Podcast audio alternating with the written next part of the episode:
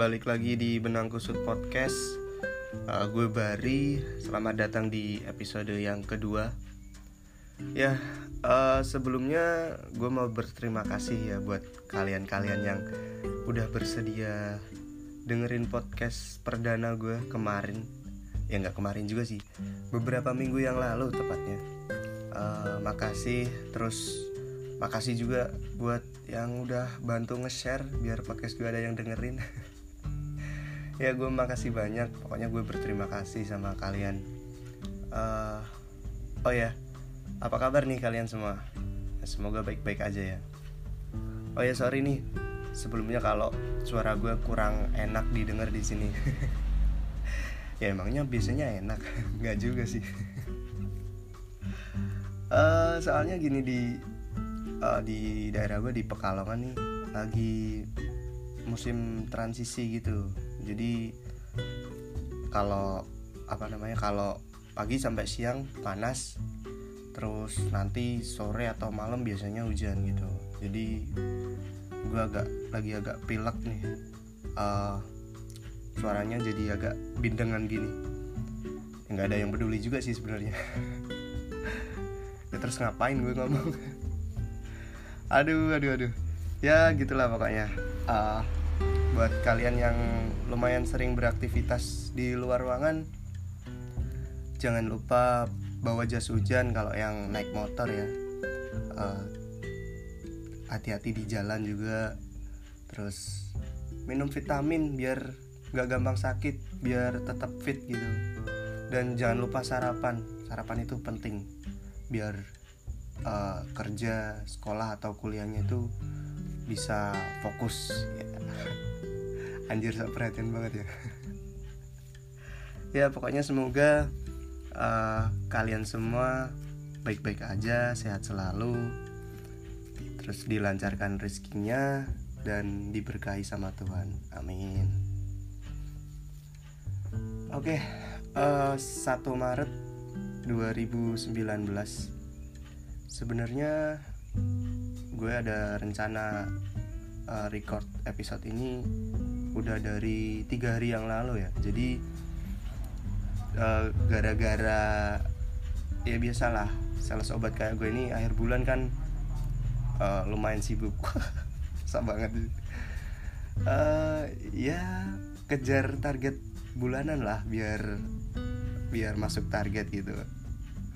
Uh, jadi gue belum sempat recording dan baru sempat hari ini. Ya pokoknya gitu. Dan ceritanya itu tiga hari yang lalu gue sempat baca berita dari uh, dari mana ya? Oh dari ini tribunmedan.com yang soal uh, penumpang grabcar itu di turunkan di tengah jalan sama drivernya. Gara-gara si penumpangnya ini pendukungnya Jokowi terus si drivernya pendukungnya Prabowo. Kejadiannya itu Sabtu 23 Februari 2019 di Jakarta Selatan. Jadi ceritanya itu si penumpang pesen Grabcar mau ke acara alumni Orange Semanggi Atmajaya di Plaza Festival Kuningan. Nah, uh, dari cerita si penumpangnya ini, katanya si drivernya ini bawa mobil pelan gitu dan beberapa kali salah rute. Si penumpangnya ini kesel kan, apalagi dia buru-buru.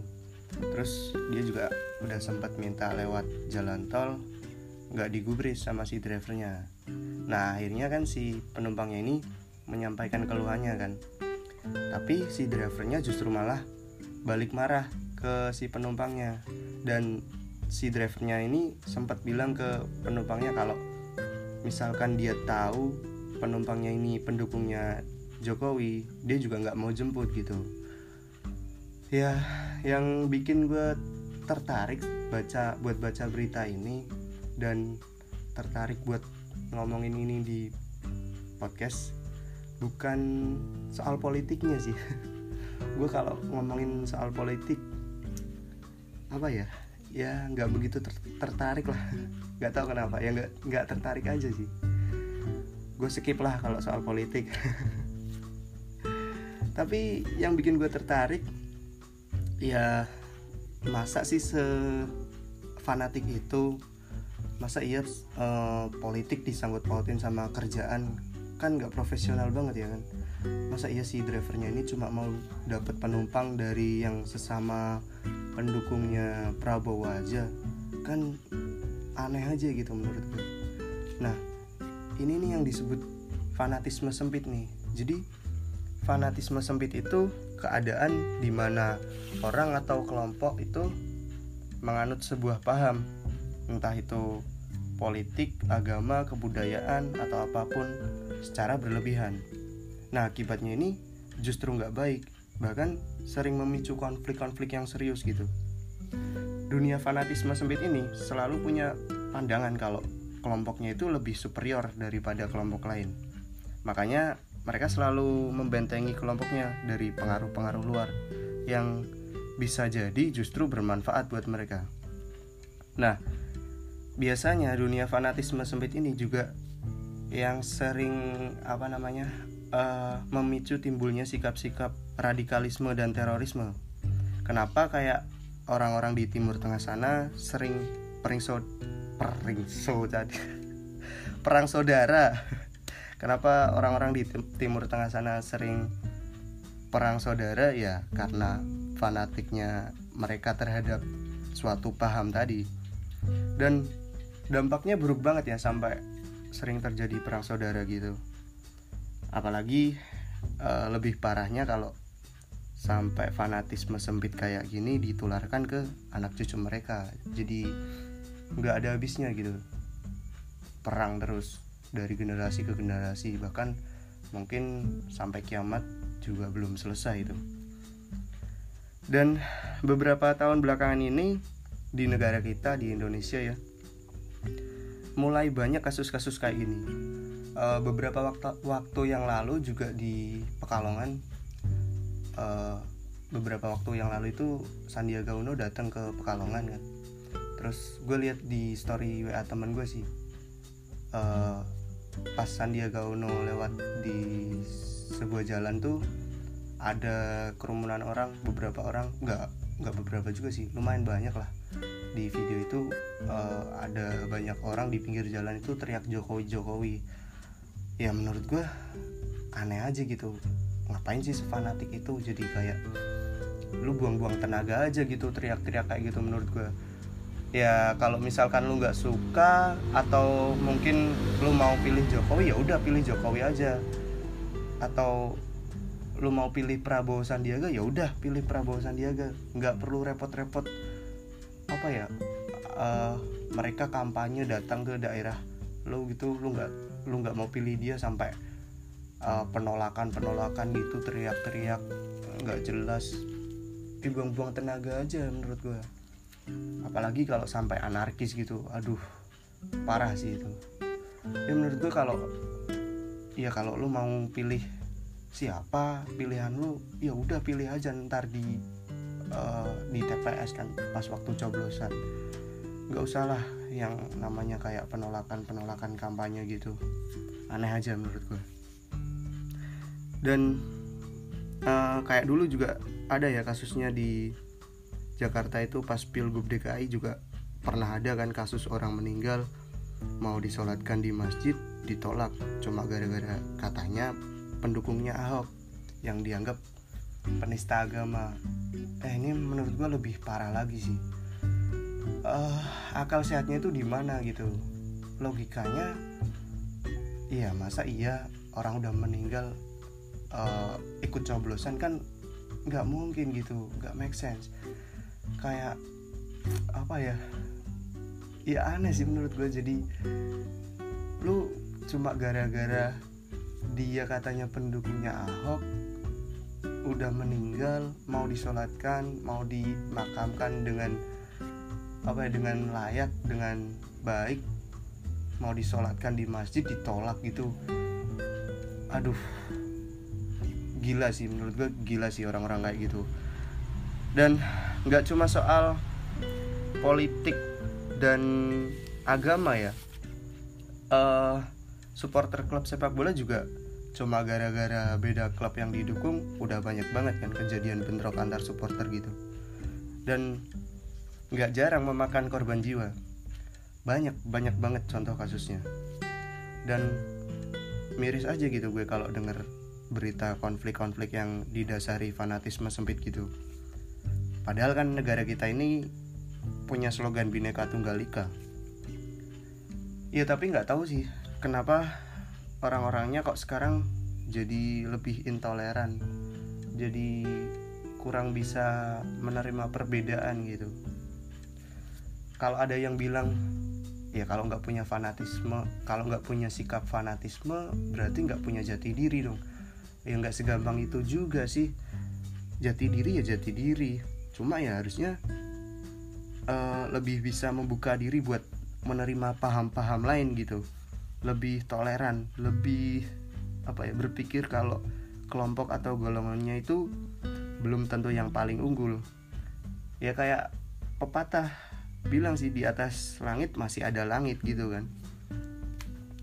Dan membuka diri dengan kelompok lain atau golongan lain itu bukan berarti kita kehilangan jati diri. Yang penting kan kita harus tetap bisa mempertahankan adat istiadat kebiasaan-kebiasaan yang ada. Dan nggak gampang mengadopsi pengaruh dari luar ya kan? Kita harus bisa uh, apa namanya mempertahankan identitas asli kita sendiri tanpa harus menjadi fanatik. Dan gue yakin sih kalau bisa menghargai bisa menghormati orang lain atau kelompok lain pasti mereka juga menghargai dan menghormati kita. Gue yakin sih kalau itu. Kita harusnya nggak apa namanya nggak terjebak dalam kerangka berpikir fanatisme sempit tadi. Dan sebenarnya dari sejak kita lahir kita itu udah uh, bersinggungan dengan yang namanya perbedaan kita lahir dari orang tua yang beda jenis kelamin ya kan? Mereka berasal dari keluarga yang berbeda. Nikah terus punya anak. Kalau lebih dari satu pasti beda-beda semua anaknya. Nggak ada yang sama persis. Sekalipun anak kembar juga nggak ada kan yang 100% sama gitu. Nggak ada. Tuhan menciptakan perbedaan itu biar lebih asik gitu. Biar dunia ini lebih asik lebih yoi gitu. Jadi ya harusnya lebih bisa menghargai perbedaan lah. Apalagi cuma perbedaan pilihan presiden. Pilpres itu kan uh, lima tahunan lima tahun sekali kan.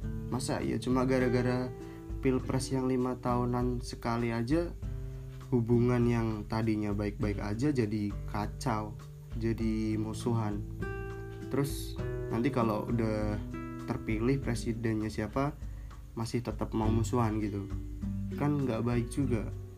Apalagi gara-gara itu kita sampai musuhan sama tetangga sama temen kita sama rekan kerja atau bahkan sama saudara sendiri sama orang-orang terdekat kita. Padahal kan kalau kita butuh apa-apa butuh bantuan. Kalau pas lagi kesusahan yang bisa dimintai bantuan kan ya mereka-mereka orang-orang terdekat kita ya kan?